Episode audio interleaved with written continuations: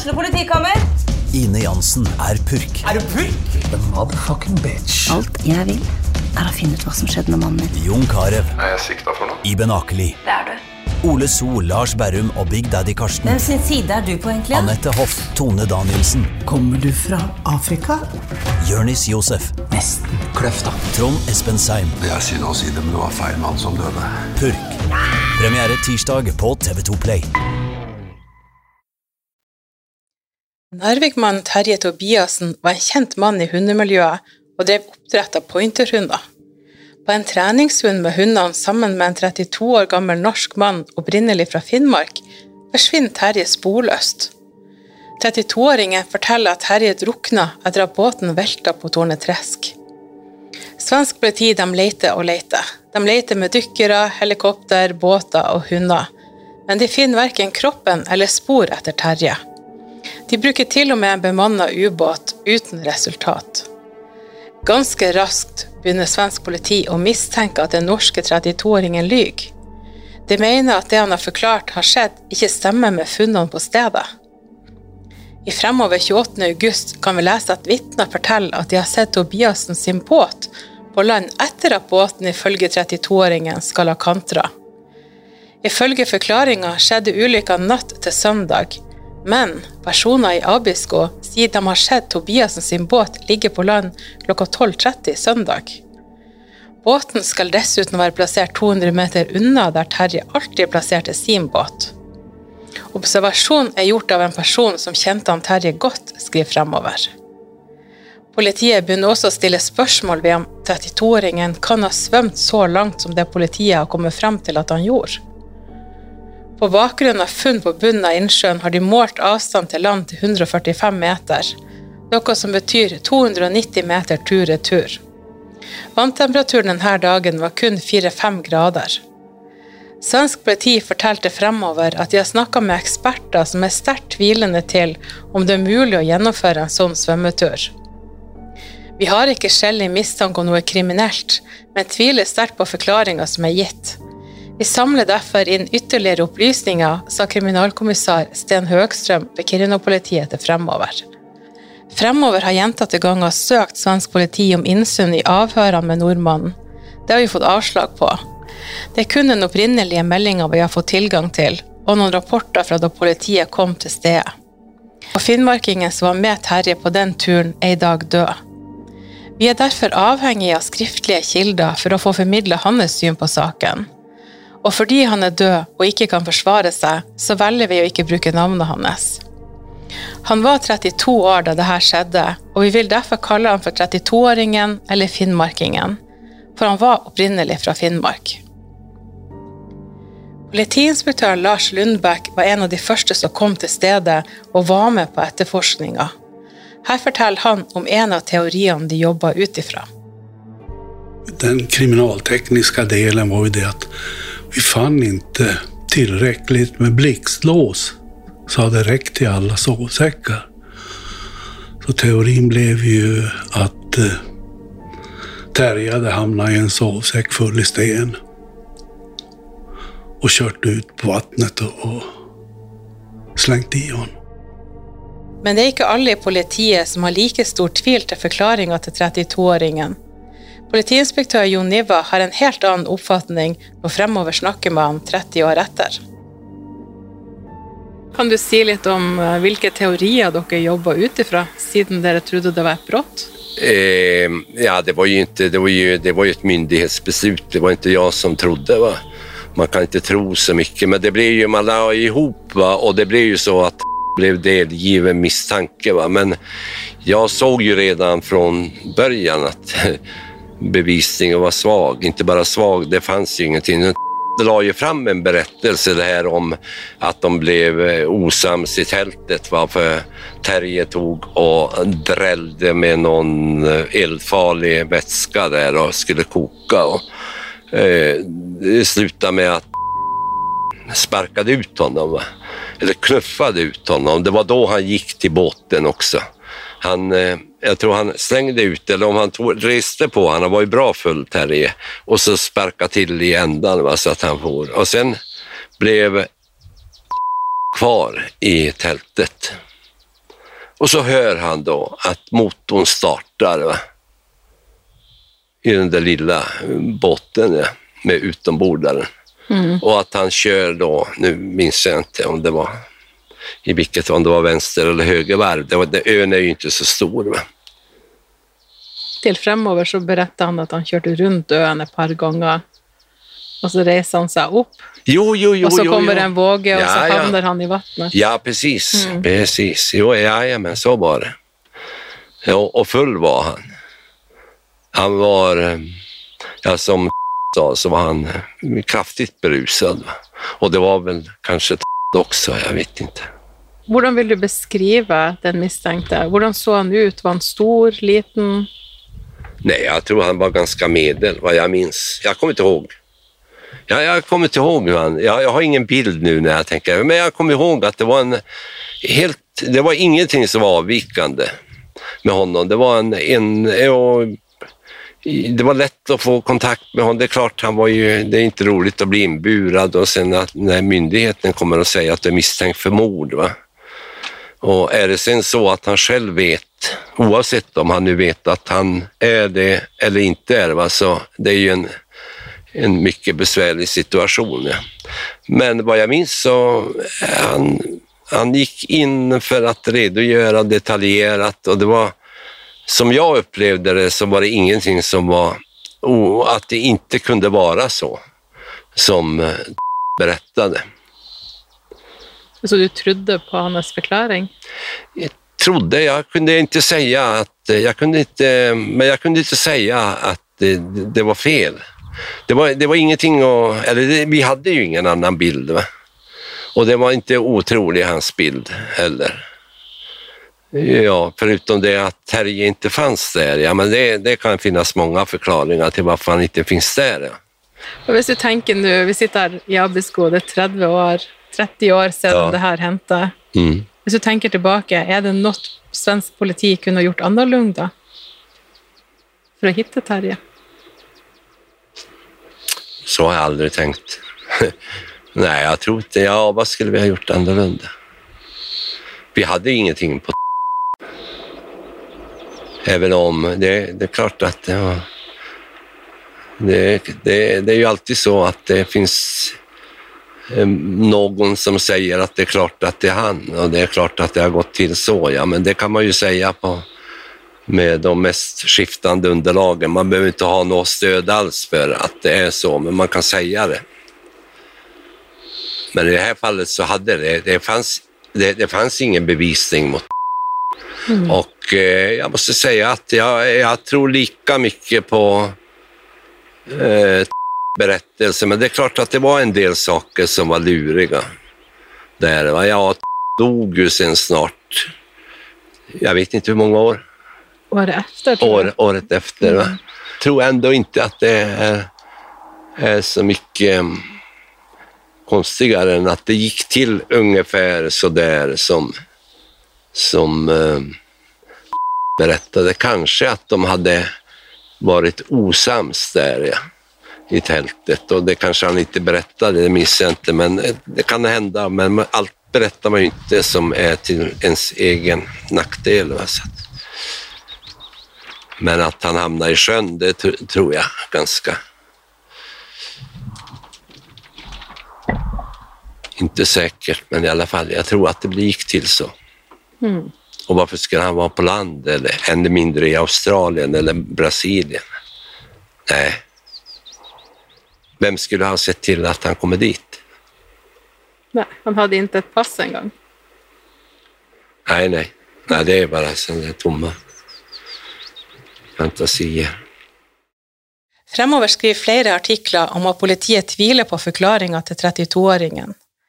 Den 23. september skriver Fremover at 32-åringen har fått meldeplikt til politiet i Kiruna. Han blir tatt inn til nye avhør. Politiet skal videofilme belastningsprøver av ulykkesbåten, og de vil også rekonstruere teltbrannen. En artikkel 7. oktober sier kriminalkommissær Sten Høgstrøm at belastningsprøvene viser at det er nærmest umulig å tippe båten sånn at den synker, og det svekker jaktkameratens forklaring ytterligere.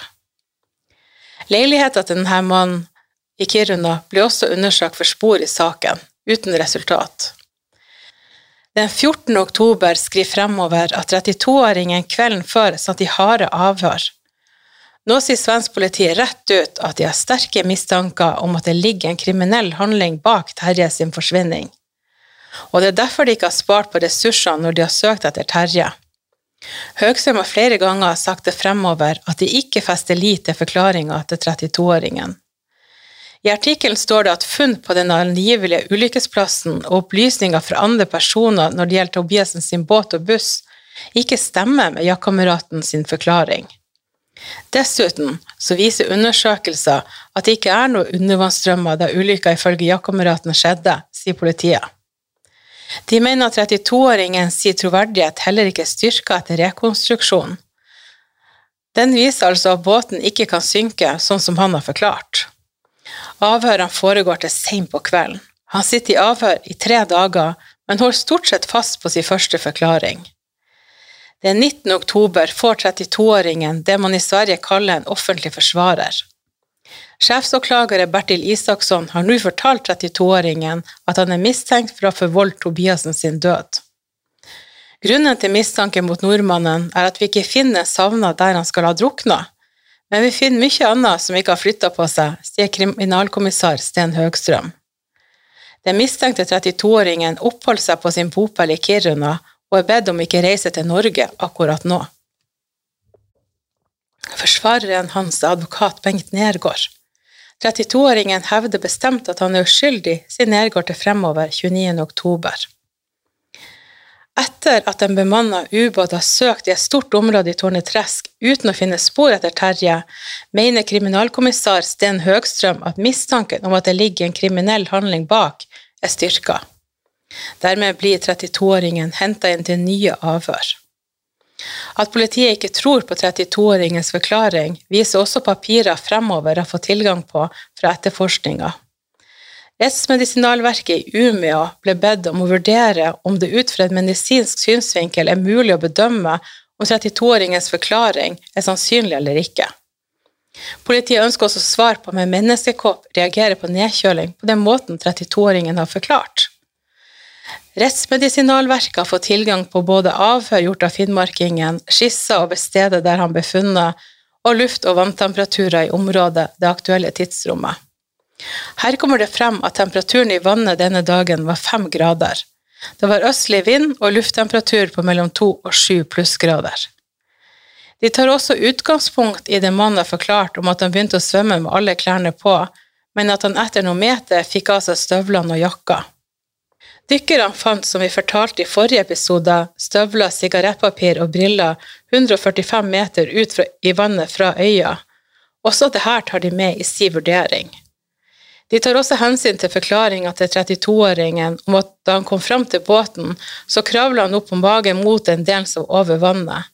Han ville hvile en stund før han orka å svømme tilbake. Mye i rapporten er sladda, men vi kan lese at 32-åringen la en presenning rundt teltstengelen for å gi ly for vind, og at han krøp ned en sovepose med bløte klær og fikk hundene til å ligge på soveposen. Rapporten omhandler mye allment om nedkjøling og hvordan kroppen reagerer på ulike grader av nedkjøling. De skriver f.eks. at når kroppstemperaturen er under 32 grader, så mister personen evnen til å snakke sammenhengende, blir desorientert, ukoordinert, og at man mister bevisstheten ved 30 grader. Vind øker også varmetapet kraftig, men ved nedkjøling i kaldt vann så er klærne derimot isolerende til tross for at de er våte. Rapporten forteller også om en studie hvor frivillige voksne lot seg senke ned i vannet ikledd flytevest. De hadde ikke hodet under vann, vanntemperaturen var fem grader, og etter 15 minutter hadde kroppstemperaturen sunket med kun 0,9 grader. Men hva de konkluderer med, det vet jeg ikke, for også dette er sladda. Den 24. november i 1993 får han Lars Lundbekk en rapport om båten til Terje. Politiet ville undersøke om den kunne synke sånn som 32-åringen har forklart at den gjorde. Oppdraget var å se på stabiliteten, fribord og flyteevne, og gjøre en bedømming av risikoen for at båten kantrer og blir fylt med vann i samband med fall over bord. Dette blir testa bl.a. ved at ripa blir trykka ned til det ikke renner inn mer vann. Når man nå slipper båten, så retter den seg opp igjen. Vannet i båten nådde ikke opp til overkant av aktertofta. For å få vann dit måtte også aktertofta trykkes ned under vann. Etter å ha fått vann til å renne inn i aktertofta i åtte minutter, kantrer båten og ble liggende med kjølen opp. Etter ytterligere fire minutter hadde så mye vann trengt inn i hekken at båten sank, og kun fronten av båten stakk opp. Det ble også gjort tester med å henge vekta på til sammen 92,5 kilo bundet fast i et tau. Disse ble hengt over ripa på båten én meter fra hekken. Selv med denne belastninga hadde båten fremdeles noen centimeter fribord, men den klarte ikke ei belastning på 95 kilo. Ved 72,5 kilos belastning hadde båten et fribord på 10 cm og en krenkevinkel på 28 grader. Det ble også sjekka hvor langt båten forflytter seg i vann når den er sunken, slik at kun fronten stikker opp. De har også vurdert aksjonstider i kaldt vann, og i rapporten står det for å få et bilde på hvor lang tid en person uten ytterklær svømmende kan forflytte seg i kaldt vann, kontaktes kirurg Hans Krohn ved Vrinsvik-sykehuset i Nordkjøping. Han er også marinelege og har ansvaret for sikkerheten til dykkere. Han bedømmer at man kan regne med å klare ca. ti minutter svømmende i vann som er fem grader varmt. I rapporten står det i sammendrag at båten er ikke er tett, og at vann kan trenge inn i rommet under tanken og også i hekken. Dette vil minske båten sin stabilitet, men ikke i den grad at en person som faller over bord, ikke skal klare å klatre inn i båten igjen. Etter at politiet har fått denne rapporten, blir 32-åringen kalt inn til nye harde avhør. Fremover skriver 30. november at svensk politi har stramma grepet rundt den mistenkte i Tobiassen-saka. I avhør blir han konfrontert med rapporten fra Svensk sjøfartsverk.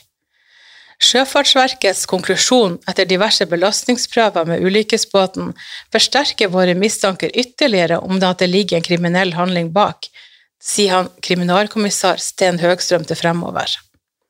Rapporten slår altså fast at Tobiassen med kroppsvekt på 72 kilo ikke var i stand til å kantre båten, sånn som den mistenkte har hevda. Det måtte 95 kilos belastning til for at det skjedde. Rapporten står også, som du hørte, tvil om et menneske er i stand til å holde ut lenger enn ti minutter i fem graders vann. 32-åringen er nå mistenkt for mord eller for å ha forvoldt en annen manns død, men han er ikke sikta. Årsaken til det er at politiet kun har indisier og ikke tilstrekkelig med bevis til å sikte jaktkompisen eller varetektsfengslene. Men avhørene gir ikke noe resultat. 32-åringen holder fast på sin forklaring at Terje Tobiassen drukna i ei ulykke. Det har nå blitt 4. desember. Det har gått over tre måneder siden Terje Tobiassen forsvant. Politiet sier de skal granske avhørene av finnmarkingen nærmere, og deretter beslutte om de vil ta ut en siktelse eller henlegge saken. Men uten å finne kroppen til Terje eller andre bevis på drap, kan ikke eller våger ikke svensk politi å sikte 32-åringen. For politiet har egentlig ingen bevis. 32-åringen står dermed fritt til å flytte tilbake til Finnmark, noe han også gjør. Litt over ett år etter at han Terje forsvant, så stiller kona, Kjerstin Tobiassen, opp i et intervju i Fremover. Det er denne avisforsida som får meg til å begynne å lete i Fremover sin arkiv for å lese mer om saka. På bildet ser jeg ei pen, blond dame som er tydelig trist og ser sliten ut. Hun ser ikke rett i kamera, men har blikket rett ned. Kjerstin er også død, og jeg kan derfor ikke intervjue henne, og dette er det eneste intervjuet jeg finner at hun har gitt i saken. Det har vært et år i isolasjon, forteller hun til Fremover. Uvissheten er det verste. Tankene plager meg fra jeg slår opp øynene om morgenen til jeg sovner på kvelden, forteller hun. Hun er 49 år gammel, men påkjenninga det siste året har gjort henne eldre. Midt oppi usikkerheten rundt hva som skjedde med mannen, mistet også broren sin i ei ulykke. Broren var sentral da familien lette etter Terje høsten 1993. Han var en særdeles god støtte for Kjerstin, og da han døde, innså hun at det ikke lenger nytta å skyve problemene foran seg. Jeg måtte få prate ut og søkte derfor hjelp hos en psykiater, sier hun, med senka blikk og tårevåte øyne. Tre hunder ligger på sofaen. Lita var Terje sin øyensten. I lang tid etter ulykka løp hun til vinduet hver gang hun hørte en bil i nærheten. Hun venta på at Terje skulle komme. Er det ikke rart å tenke på at om Lita hadde kunnet snakke, ville hun fortalt hva som egentlig skjedde i villmarka. Hun var jo til stede på øya, sier Terje sin kone. Hun ville ikke spekulere i hva som skjedde med ektemannen, men innrømme at hun har gjort seg sine tanker. Men de velger hun å ikke dele med fremover sine lesere. Det eneste jeg kan si, at det er mye som skurrer i jaktkameratens forklaring. Terje dro aldri i båten uten å ha hunder med seg, sier hun. Hun forteller at 32-åringen ringte henne to-tre ganger de første dagene, men at det kun var for å kreve å få hunden Tim tilbake. Han hevda å ha betalt for hund under oppholdet på øya, men han fikk ikke hund. Til Kjerstin har ikke finnmarkingen forklart hva som skjedde, men han ringte etter fremoverintervjuet og spurte om hun hadde lest det. Da svarte jeg nei og skiftet tema, sier hun. Hun har ikke lest intervjuet, men har laga en mappe over avisklipp, men det intervjuet har hun ikke tatt med. Hvorfor vil hun holde for seg sjøl? Kjerstin forteller at hun har hatt god støtte fra slekt og venner, og ikke minst ektemannens mange jakt- og hundevenner. De har vært helt enestående, ofte har en eller annen ringt eller stukket innom for å prate. De har hjulpet til i hagen og gjort småarbeid på huset, jeg er dem stor takk skyld, sier hun. Utenfor hjemmet har hun nesten ikke vært. Ondsinna rykter har gjort at hun rett og slett er redd for å gå ut og er redd for at hvis noen stiller spørsmål, så skal hun begynne å gråte. Hun har blitt annet blitt fortalt at Terje slett ikke drukna, men har blitt sett på en brasiliansk badestrand med Cuba Libre. Senere fikk hun høre at han var sett i Australia. Terje var altfor glad i hjemme og hundene til å kunne gjøre noe sånt, sier hun. Hjemme på Seines føler hun seg stort sett trygg, men helt trygg har hun ikke følt seg hele tida. Hun forteller at tre dager på rad ble hun utsatt for telefonterror. Noen ringte lille julaften, julaften og første juledag. Hvem vet hun ikke. Det ble spilt kun klassisk og popmusikk da jeg løftet av røret. I mars fikk jeg en telefon som fortalte at jakkameraten var død. Mer ble det ikke sagt før røret ble lagt på. Siden har jeg heldigvis ikke vært plaga av slike telefoner, forteller hun. Først to uker før intervjuet brøt hun ut av sin isolasjon og sammen med venninne gikk hun i butikkene i Narvik sentrum. Det gikk bedre enn hun hadde forventa. Folk hilste på meg uten å stille ubehagelige spørsmål. Det varma, heretter ble det hjemlige byturer, sier hun. Kjerstin forteller at hundene gir henne godt selskap og mange gleder. Hun har bedt om hjelp fra tre synske personer til å finne han Terje. En sier han ligger i sjøen, mens to andre hevder han ligger på land. Ingen gir meg nøyaktig stedsangivelse. Kona har ikke gitt opp håpet om at ektemannen blir funnet. Selv om jeg har vent meg til tanken på at jeg kanskje ikke finner han, har jeg fortsatt et håp. Ønsker å få han i ei grav, den kan man stelle og snakke mot. Hvis vi ikke finner han, har jeg fått en prest til å lage et minnesmerke på Tornet Tresk. I tillegg vil jeg sette opp en minneplate på familiegravstedet til Terjes foreldre. Hun skryter også av jobben svensk politi har gjort med å etterforske saka, og fremhever spesielt Jon Niva og Sten Høgstrøm. Til og med etter min brors dødsfall ringte de og spurte om jeg trengte hjelp, forteller hun. Men det er én ting som de fleste ikke vet ennå, og som svensk politi ikke har gått offentlig ut med. Først 30. september 1994, over ett år etter at Terje ble meldt savna, skriver fremover at Terje Tobiassen og 32-åringen krangla om en jakthund. Det er et av flere mulige motiv som Kiruna-politiet har jobba ut ifra i etterforskninga. Kriminalkommissar Sten Høgstrøm skal snart gå av med pensjon, men forteller i detalj om det svenske politiet kaller jakthundmotivet. Han forteller at Tobiassen skal ha kjent den bortmistenkte finnmarkingen i to år, før den helga da han forsvant. Tobiassen var kjent som en solid oppdretter av fuglehunder, og solgte en unghund til finnmarkingen. Men etter en tid kom mannen tilbake og krevde en ny hund. Han fikk da overtatt Tim, en høyt premiert fuglehund.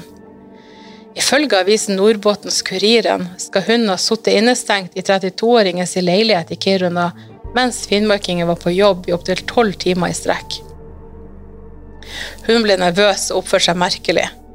Finnmarkingen sa det skyldtes et hoggormbitt. 32-åringen oppsøkte da Tobiassen i hans hjem for å klage på hunden. Da påpekte Tobiassen at hun var i dårlig kondisjon og at den hadde fått feil kost. Han valgte å beholde hunden og lovde finnmarkingen at han skulle få skikk på Tim igjen. Turen til øya i Tornetresk var en testtur. Terje ville vise finnmarkingen at Tim var den gode fuglehunden som han hadde lova. Finnmarkingen har i ettertid hevda at han skulle betale 1500 kroner i kontanter for fuglehund. I tillegg skulle han ut med 5000 kroner i drikkevarer og mat som betaling. Høgstrøm avviste denne summen og hevda at 25 000 ville være en mer fornuftig pris for den prisbelønte hunden. Svensk politi tror en krangel om betaling kan ligge bak Tobiasens forsvinning. Politiet utelukker heller ikke at uenighet om dressur av hund kan ha vært en medvirkende faktor. I ett dokument fremover har fått tilgang til fra etterforskninga, er en person avhørt av kriminalinspektør Jon Niva om hundekjøpet. Vitnet forklarer at han har hatt kontakt med Terje Tobiassen den sommeren. Vitnet har ikke kjennskap til 32-åringen, men forteller at Terje i en telefonsamtale fortalte at han har solgt en hund til en nordmann bosatt i Kiruna. Terje skal også ha sagt at han ikke har fått betalt for hunden. Han skal også hevde at han henta hunden tilbake, og vitnet har i ettertid skjønt at hundekjøperen var 32-åringen. Nok en gang går han Høgstrøm ut i avisen og omtaler ryktene om at Terje skal bli sett både på Bahamas og i Australia. Vi har sjekka opp passet hans, og det var utgått. Tobiassen hadde ikke søkt om nytt, og dessuten så hadde han ikke økonomi til en sånn reiseside. I papirer vi har fått fra svensk politi, kan vi se en bekreftelse fra norsk politi om at han Terje ikke hadde gyldig pass. Høgstrøm er overbevist om at Tobiassen sin død ikke skyldes en ulykke. Det fremover sier han. Det mistenktes historie stemmer ganske enkelt ikke. Vi har funnet alt utenom kroppen. Det fins ikke strøm i sjøen som kan ha ført dem bort. Jeg tror Terje Tobiassen er slått i hjel og deretter gjemt bort et eller annet sted, enten på land eller i sjøen. Og det var ikke bare i Fremover at Terje Tobiassen-saken var omtalt. Både nasjonale og svenske medier skrev mye om saka. I slutten av oktober 1994 var saken oppe i TV3-programmet Etterlyst. Håpet var at nye vitner skulle melde seg, men heller ikke TV-programmet var til hjelp. Du har nå hørt fjerde episode i podkastserien Hva skjedde med Terje? Mitt navn er Ann-Kristin Hansen.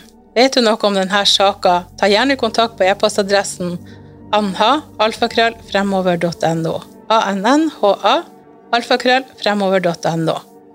I den neste episoden får du høre om en fest kvelden før Terje ifølge 32-åringen skal drukne i Tårnet Tresk, og nye vitneopplysninger kommer inn. Hva betyr de?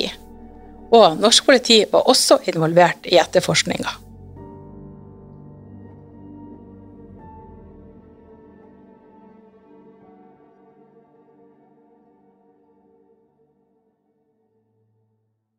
Har du et enkeltpersonforetak eller en liten bedrift? Da er du sikkert lei av å høre meg snakke om hvor enkelt det er med kvitteringer og bilag i fiken, så vi eh, gir oss her, vi. Fordi vi liker enkelt. Fiken superenkelt regnskap.